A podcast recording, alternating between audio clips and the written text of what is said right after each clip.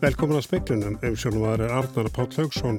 Steftar að því að búa verið að gefa öllum eldre en 60 ára fyrir COVID-spröytun í næstu viku. Yfir 26.000 verða bólusett í vikunni. Tilkynningum til barnavendanemnda hefur fjölgað um 20% frá því að koronaviru faraldurinn hóst. Engin skipveri á fiskirskipinu Þósnesi S.A. reyndist með COVID-19. Síni voru tekin í morgun. Lilja Rafnei Magnúsdóttir Þingmar Vafge sem tapaði oddvitasæti sín í norðvestu kjördæmi segir leikreglunar sem við það voru í prókjörunu hvorki að veri heiðarlegar nýðlir eðislegar. Alþjóða heilbreyðistofnunin sendir þúsundur heilbreyðir sérfræðinga til Indlas til að hjálpa heimamennum að takast á við COVID-19 faraldurinn.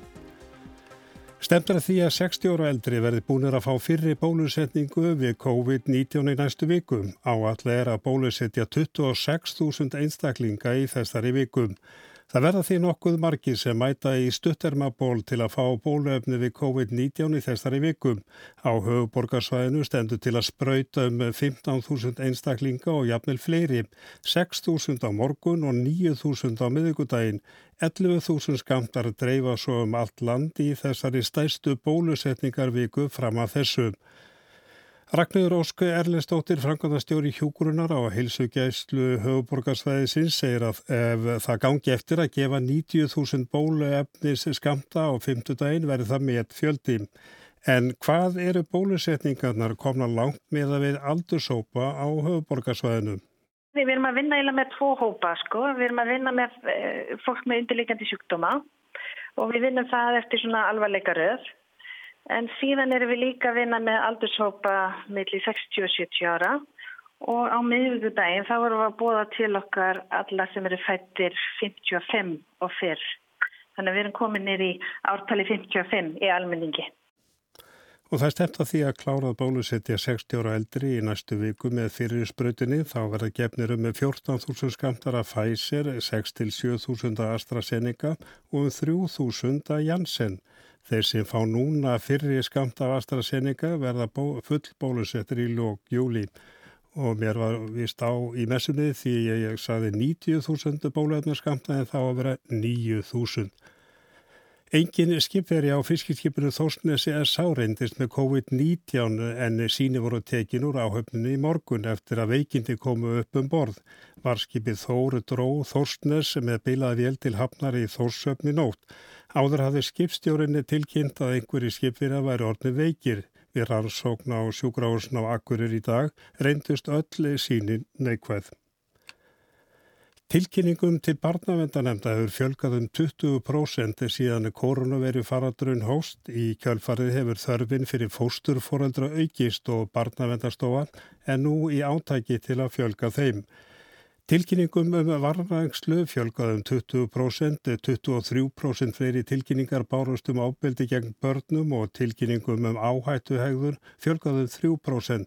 Þá fjölgaði tilkynningum með það sem óttast var um að heilsa eða líf ófæts barns væri hættu um 68%. Heiða Björg Pálmadóttir, fórstjóri barnavendastofu, hún segir að veri sé að skoða þær sérstaklega. Er óvissa í samfélaginu, hvíð er mikill hjá fjölskyldum, það geta verið fjárhagsáökjur, það eru vísbendingar um að neysla hafi aukist og það hefur áhrif á uppbyldis aðstæði barna. Barnavendarstofa tók saman tilkynningar til allra barnavendanemnda á landinu frá mars í fyrra til februari ár til að meta hvaða áhrif faraldurinn hefði haft á þennan málaflokk og bar saman við sama tímabil árið áður. Heiða segir að þörf fyrir vistun utan heimilis hafi aukist bæði skamtíma vistun og varanleg vistun. Gerum nú ráð fyrir því að við munum leita allra leiða til að fjölka fósturfórildrum fyrir börn hér á landi. Lilja Rafnei Magnúsdóttir Þingmar Vafgér sem tapaði oddvitasæti sín í norðvestur kjörtæmi segir leikreglurnar sem við þar voru í prókjörunu hvorki að veri heiðarlegar nýja líðræðislegar. Hún ætlar að gefa sér tíma til að ákveða hvort hún taki annað sætið Hún tapaði fyrir Bjarnar Jónssoni, sveitastjórnafötrúa í Skagafyrði. En þegar það bætast við 500 manns á nokkru vikum, þá átti ég þetta vona því að það væri verið að leita aðra leiða til þess að, að ná fyrsta sæti og, og það tókst. En svona er nú bara leikreglunar og maður verður syngja því en mér finnst þetta ekki endilega að vera heiðarlegar leikreglur eða líðræðislegar í sjálfum sér og umhjóksuna efni bara til framtíðar hvort að þetta sé leiðin til þess að velja fólk á lista að, að fjöldi mannskominn og kannski fari út strax að forðali loknum. Lilja Rafni segist ekki taka niður stöðunum sem höfnun eða gaggríni á störfinar. Leikurinn hafi verið ójafn og hafi hún búið svo undir að það hefði áhrif á úslitinn en ég finn og fann fyrir mjög miklu stöðningi við mín verk í kjördaman og líti ekki á þetta sem persónlega gaggrinni á mín störf hér inn á þingi langt í frá. Segir Lilja Rafnei Magnúsdóttir, Sigriður Dögauðursdóttir tók býstilið saman. Alþjóða heilbriðistofnunum hefur alvarlegar áhyggjur af ástandinu á Índlandi vegna mikillara fjölgunar COVID-19 sjúklinga undan, undanförnum. Á þriðja þúsund sérfræðingar verða sendi til landsins til að hjálpa heimamönnum við að takast á við faraldurinn. Tetros Adhanom Gebreyesus forstjóri greindi frettamönnum frá þessu í genf í dag. Hann sagði að staðan á Índlandi væri orðin verri en átakanleg. Til að bregðast við skorti á súrefni á sjúkrahúsum landsins ætlar stopnunin að senda þangað þúsundir tæka til að tappa því á krúta. Einnig verða þangað sendið bróðabrið sjúkrahús og ímist tæki og vörur sem skortir á rannsóknarstofur. Já, framtöði fara til landsins yfir 2600 heilbyrgistarfsmenn á vegum stopnarinnar sem eiga að hjálpa heimamönnum við að takast á við ástandið. Þeirra á meðal er fólk sem er sérhafti í að takast á við bergla og mænusótt. Hjálpartæki eru einnig farin að berast til Indlands frá bandaríkjunum á Breitlandi og fleiri þjóðir hafa bóðið fram aðstóð sína. 2812 létust af völdum faraldur sinns á Indlandi síðastlinni sólaring og hafa aldrei verið fleiri. Indverskur Læknir sagði í viðtalið við Breska ríkisútvarpi í dag að ástandið væri eins og að kjarnorku sprengju hefði verið varpað á Indland. Ásker Tómasson sagði frám. Íbor á Bræðraborgastíg eitt í Reykjavík sem borðið hafa vittn í dag þekktu lítið til Marek Mósinskís 64 ára gamals pólverja sem ákjærður er fyrir þrefald morð og tífald að manndraps tilraun eftir að hafa kveikt í Íborúsi að Bræðraborgastíg eitt í sumar. Hann sæði saklus í dag frammi fyrir dómara í hérastómi Reykjavíkur þegar aðal með ferð málsins hóst í morgun. En meirum þetta mál má lesa á vefn okkar rú.is. Börn þeirra sem urðu fyrir geyslamengun eftir slísi Tjernobyl kjarnorkuverun í Úgrænu erfa ekki skada frá foreldri sínum samkvæmt nýri rannsókn. Í dag var þess minnst að 35 ár eru frá slísinu. Sérfræðingum ber ekki öllum saman um hversu mörg döðsföll megi í raun reykja til slísins. Vitað er að 31 lest þegar sprengingin varð en alþjóða helbreyðistofnunin telur að í held megi reykja alltaf 4.000 döðsföll til hamfarana. Þeirra sem fórust var minnst víða um Úkrænu í dag. Slisið er rakið til mannlegra mistaka og bylunar í kjarnakljúfi. Geislavirk efni frá kjarnorkuverinu lagði yfir nær alla Evrópu en sovjetmenn þauðu í heila tvo daga áður en mæling á geislavirkni í Svíþjóð kom upp um slisið. Fólk hefur lengi haft áhyggjur af langtíma afleðingum mengunarinnar. Mörg þeirra sem urðu fyrir henni hafa til dæmis óttastaða eignast börn Niðurstöður nýrar rannsóknar sem voru byrtar í tímaritinu Science benda til þess að skadin erfist ekki. Rannsóknin tekur til 130 barna foreldra sem unnu við hrinsun eftir slísið og voru þannig berskölduð fyrir geislamengun. Þau voru getin á áronum 1987 til 2002 og öll eftir að foreldrar komust í tæri við mengun. Rannsakandur fundu engar genabreitingar sem rekja má til geislamengunar foreldrana. Ólöf Ragnarstóttir saði frá. Skúli Magnússon og dómari við hérastom Reykjavíkur var í dag kjörin umbós maður alþingis á alþingi. Hann tekur við af Tryggva Gunnarsinni sem gengt hefur ennbættinu í næri tvo áratugi. Tryggvi Óska eftir laust frá störfun frá og með fyrsta mæ. Undirbúningur undir kjörið var í höndum forsætis nefndar alþingis og skúli verður þriðji umbósmáður alþingis frá því að lögum ennbætti tóku gildi 1. janúar 1988. Heildarlossunni gróðrúsaloftegunda dróð saman um 2% árið 2019 meða við árið áður. Meða við árið 2005 nefnur samdrátturinn 8%. Þetta kemur fram í landskíslu sem umhverjastofnun hefur skilað til Európusambansins og lofslagssamnings saminuðu þjóðarann. Rafn Helgason, sérfræðingur hjá umhverjastofnun, segir að samdrátturinn 2019 sé sá mesti frá árunu 2012. Og uh, er einnig að merkja í losunarbeitni ábyrð Íslands. Þannig að það er það sem að stóru markmiðin okkar eru. Það eru við að sjá samdrátt milli ára. Það er náttúrulega mjög jákvæmt og, og þýðir það að veru okkur miðar áfram í átt af markmiðum okkar. En við erum ekki búin að ná þeim ennþá eða hvað? Nei, við erum ekki búin að ná þeim og það er náttúrulega ekki gert ráð fyrir því að við náum þeim fyrir 2030.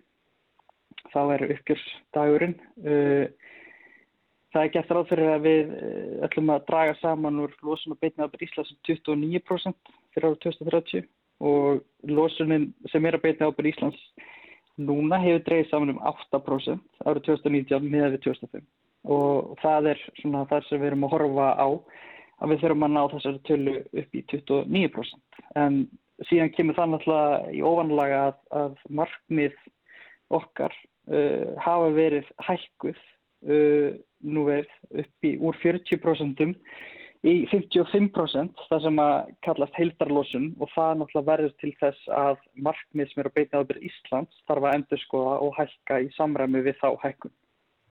Þannig að þessi 29% eru kannski ekki endilega það sem að við hefum að vera að horfa á akkurat núna? E, nei, á öllum líkindum mun svo tala hækka eitthvað uh, í, í samræmi við hækkunna á markmiðum í heldalósum. En þar á brattan að sækja en samt sem áður er samdráttur.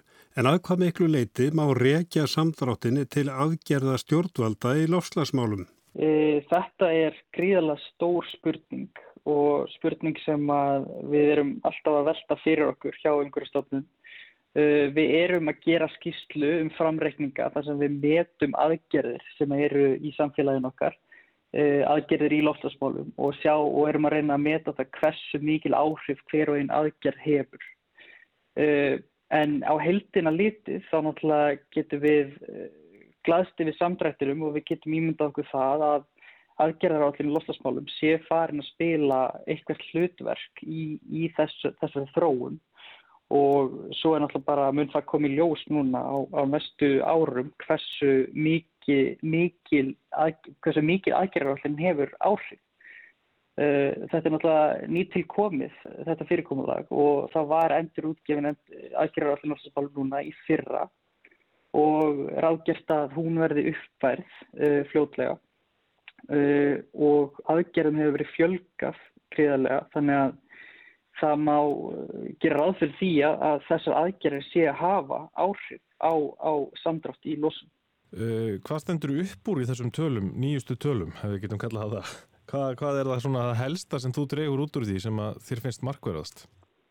Ég myndi segja að uh, það sem ég finnst uh, áhugaverðast og skemmtilegast að sjá er það að samtráttur, uh, það má sjá samtrátt í losun frá vegarsamgöngum og þetta er sá flokkur sem er stærstur sem er að beitna ábyrð Íslands.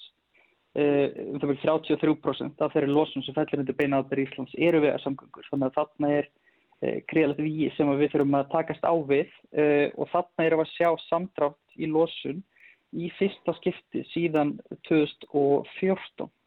Og hvers vegna var þessi samdráttur í vegasamgöngum?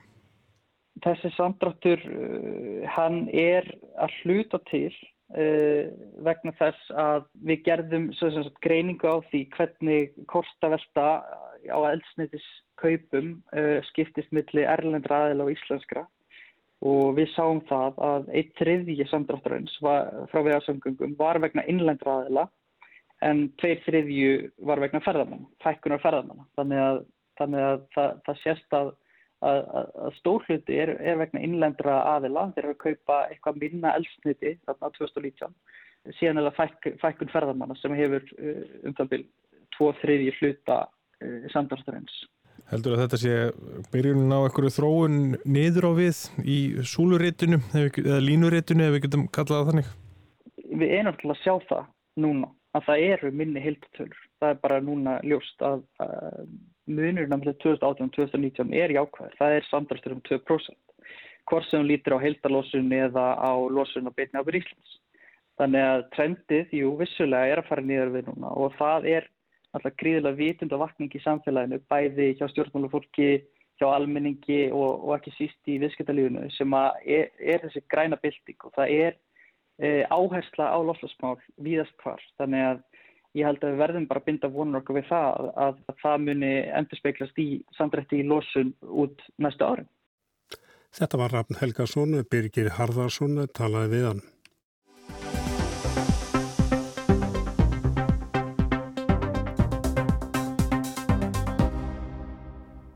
Og þá til Mars. Það hefur teikist að vinna súrefni á Mars sem er fórsenda þess að senda fólk til starfa á plánutinu í framtíðinni og nú hefur lítilli þyrlu verið flóið þar í þrýgang.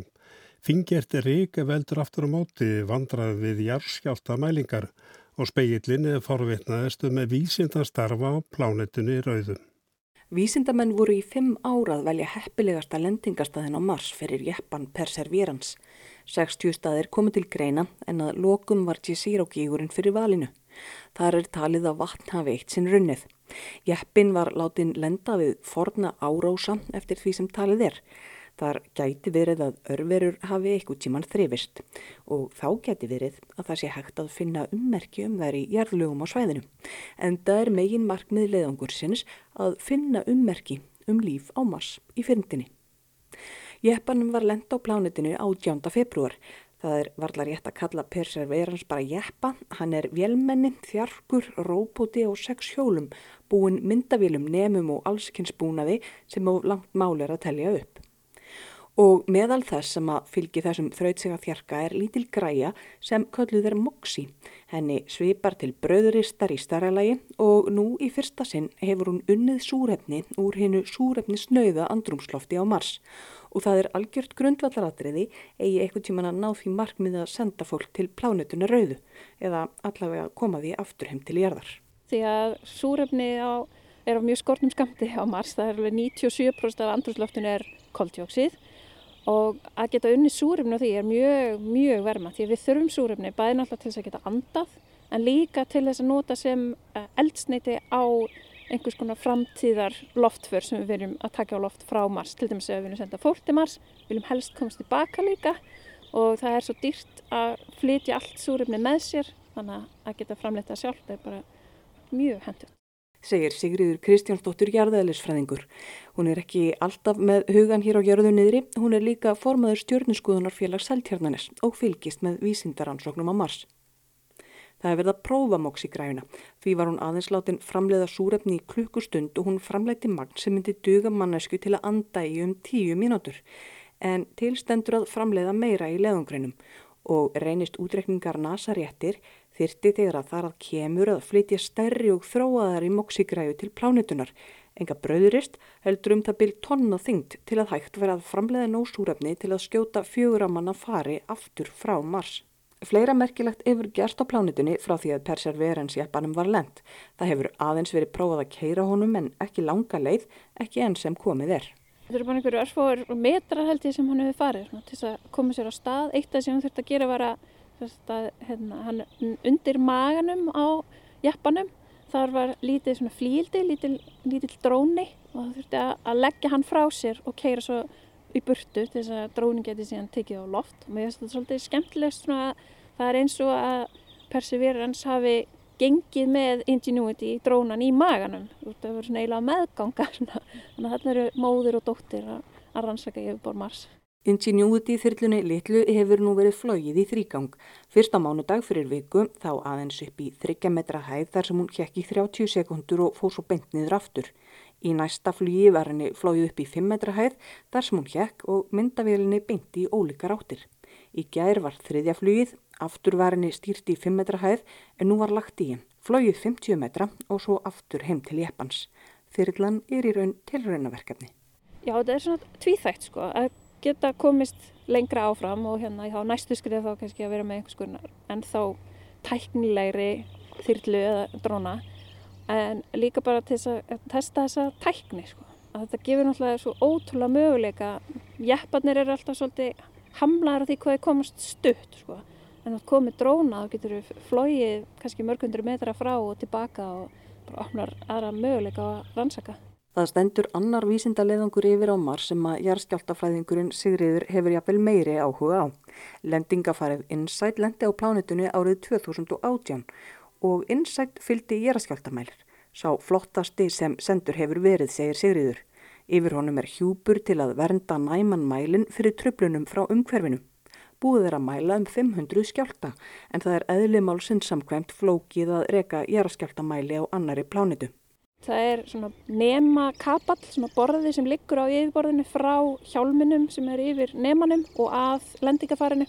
Núna er verið að reyna að setja smá sand yfir þennan borða til þess að reyna að útiloka ennþá frekar suð sem getur komið út af hitabreitingum. Þetta eru svo ótrúlega næm tækir. Og ímislagt getur komið upp á. Við kunnumstum við það hér á Íslandi við sem rekum mælitæki út í náttúrunni með sólaraflöður að það er uh, virka langt best á sumrin og ekki á vetuna. Þegar það er vetur á Mars þá er erfitt að sapna orgu með sólaraflöðum og svo er Mars náttúrulega ennþá lengri burtu heldur en jörðin þannig að það kemur minni sólarorka og svo er það sem hefur gerst núna er það hefur sest svona fíngert reik yfir sólapanelin sem að veldur því að það sapnast þá ekki, er ekki hægt að sapna jafn mikilli orgu og þeir reyttu sig á það að það kemur svona vindstrókar og sem að myndi bara þeita reikinu af. En það hefur bara ekki gerst. Það hafa komið svona fyrirbæri nálægt en ekki bara akkurat á sólapanelin og sólapanelin er alveg flatur þannig að bara reiki liggur bara þannig og skikkir á og er ekki að hjálpa til. En til hvers að standa í þessu, hverju breytir það fyrir mannskeppnuna að vita eitthvað um jæðskjálta á Mars? Það sem að jæðskjáltar geta að gefa okkur helstu upplýsingar um er innraborð Mars. Því við vitum afskaplega lítið um hvernig Mars er innan í og ef við fáum meiri upplýsingar um það getur það sagt okkur meira um hvernig bara sólkjör okkar í heilt hefur þróast. Það getur sagt okkur meira um bara sögu jarðarinnar og, og kannski gefur þetta okkur smá upplýsingar um hver framtíð jarðarinnar er af hverju misti Mars andrumsloftið sitt getur eitthvað svipa gerst hjá okkur. Sagði Sigriður Kristjánsdóttir, jarðeðlisfræðingur og formadur stjórnuskonarfélags Selternanes og það var Ragnhildur Tólasíus sem að talaði við hana.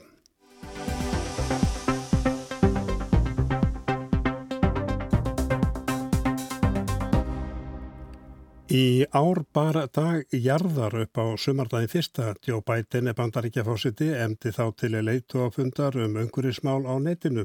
Í Breitlandi var líka tölverk gert úr deginum en það eru lofslagsmál orðin ofarlegi hugum breyta. Að öllum öðrum ólöstuðum hafa líklega tvær manneskur gert meira til að íta undir umhverfsvitund undan farin ár en flestir aðrir. Badnung sænsk stúlka og aldraður bretti. You have stolen my dreams and my childhood with your empty words. We are a single, truly global species whose greatest threats are shared and whose security must ultimately come from acting together. Það var óþólinnmæði æskunar í orðum Gretu Thunberg á vettvangi saminu þjóðana 2019 þegar hún ásakaði þjóðarleðtögum að hafa stólið draumum sínum og æsku. Í marga áratugji hafa náttúrumyndir David Attenboroughs fangað aðtikli fólk sem um víða veröld. Veirufaraldurinn hefur kent okkur að mannkinnið er eitt, ógnir okkar sameigilegar og öryggið fælst í samvinnu, sagði Attenborough nýlega einnig á vettvangi saminu þjóðana. Umhverfisvend var lengi fjarrri huga breyta en hefur nú tekið sér bólfestu í þjóðarsálinni. Í tilefni af degi jarðar gerði skoðanakannanafyrirtækið Ipsos Mori könnun á afstöðu breyta til umhverfismála. Það bleið að þriðjungur breyta telur ríkistjórnin að hafa skýra umhverfisáallun. Ríflega þriðjungur telur að svo sé ekki. En skiptir þetta máli? Já, að því sjö af hverjum tíu breytum telja stjórnin að bregðast þjóðinni ef ekki komi úrræði í lofslagsmálum. Breytum er ekki lengur sama og það vantar heldur ekki græn loford stjórnarinnar. Þeir sem rína í lofordin benda hins vegar á að aðrar áallanir, til dæmis um stækkun flugvalla og vegaframkvæmdir, gangi þvert á grænu lofordin sem séu því ótrúverðug. Grænu stjórnarlofordunum er því tekið með nokkrum fyrirvara og þá einnig nýjasta lofordinu um að draga úr kólefnislosun um 78% fyrir 2035 eins og Boris Johnson, fórsætsráþara breyta, lísti yfir á leðtúafundunum um lofslagsmál sem bandarkjafórsetti emdi til á degi jarðar. We're legislating to deliver 78% of the reductions needed uh, to reach uh, that goal by 2035. Johnson lofaði þarna meiru en allir aðrir leðtógar. En sem fyrr, hvernig á að ná þessu markmiði? Aug stefnumótunar er það verkefni breskustjórnarinnar að stýra næstu stóru lofslagsrástefnunu í Glasgow í nógumber. Hér í Breitlandi og víðar voru lofslagsmálin að vinna sér sess sem líkilmál samtímans þegar veirufaraldrun skall á. Í fyrstu var haldið að faraldrun myndi kannski drepa þá umræðu, en nei, einmitt ekki. Í þessu eins og fleiru verðist faraldrun hafa styrt ströymana sem þegar flættu. Eitt af því sem hefur einnig breyst er boðskapurinn, öllu heldur tótnin í boðskapnum. Það heyrðist ofta að það væri erfitt að bóða aðgerðir gegn lofslagsbreytingum því einu úrræðin væru mjög erfið, legðu mikið harðræði á fólk. Ekkert blasti við nema einn allsærjar þrautarganga og fórnir, einnig vegna þess að mörg störf myndu glatast í óvistvænum greinum. Þessi tótt heyrist nú mun síður meira rættum möguleikana. Samþætting veirurhemmingana og lofslagsmála er meðal annars sínileg í áherslu á þau tækifæri sem felist í uppbyggingunni eftir veirufaraldurinn. Samþætting veirurhemmingana og lofslagsmála er meðal annars sínileg í áherslu á þau grænu tækifæri sem felist í uppbyggingunni eftir veirufaraldurinn, tækifærin í vistvænum áherslum. Umsnúningur frá óljuöldinni til vistvætni orkugjafa feli í sér ný störf og nýja þróun, ekki bara frákvarf sem skilji eftir sig auðn og atunuleysi. Það leikur í loftinu að eftir veirufaraldurinn muni fyrirtæki og stopnanir sjá sér hag í að draga úr ferðalögum. Vissulega vilji fólk áfram funda en reynslan undarfærið sínir að til þess dýr netið oft ágætlega. Sem leiðir aðtiklina því að þó einstaklingar við öll getum gert ímislegt til að vinna gegn neikvæðum áhrifum loslasbreytinga, þá munar mestu um aðgerðir yfirvalda og viðskiptalífsins. Það er víða þrýstingur á fjárfesta um að beina fjárfestingum frá fyrirtækjum sem tak ekki umhverjusmálinn alvarlega. En sömum finnst fyrirtækin allt á hægfara.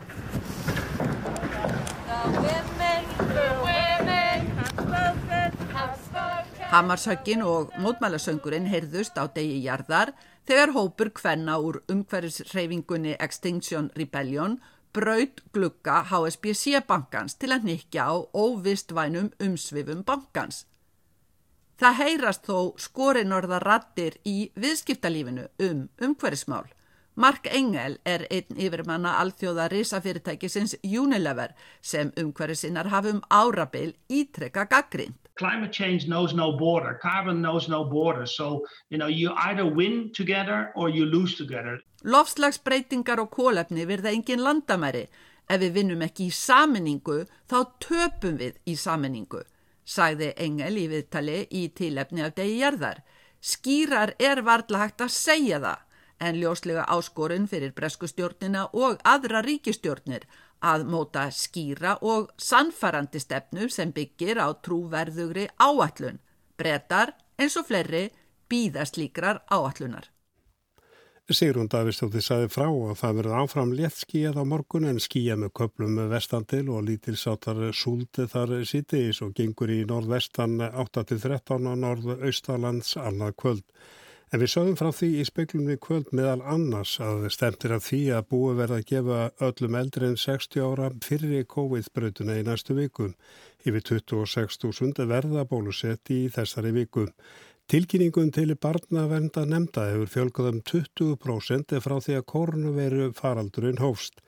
Engin skipféri á fiskiskipinu Þórsnesi S.A. reyndist með COVID-19. Síni voru tekinum borði í morgun.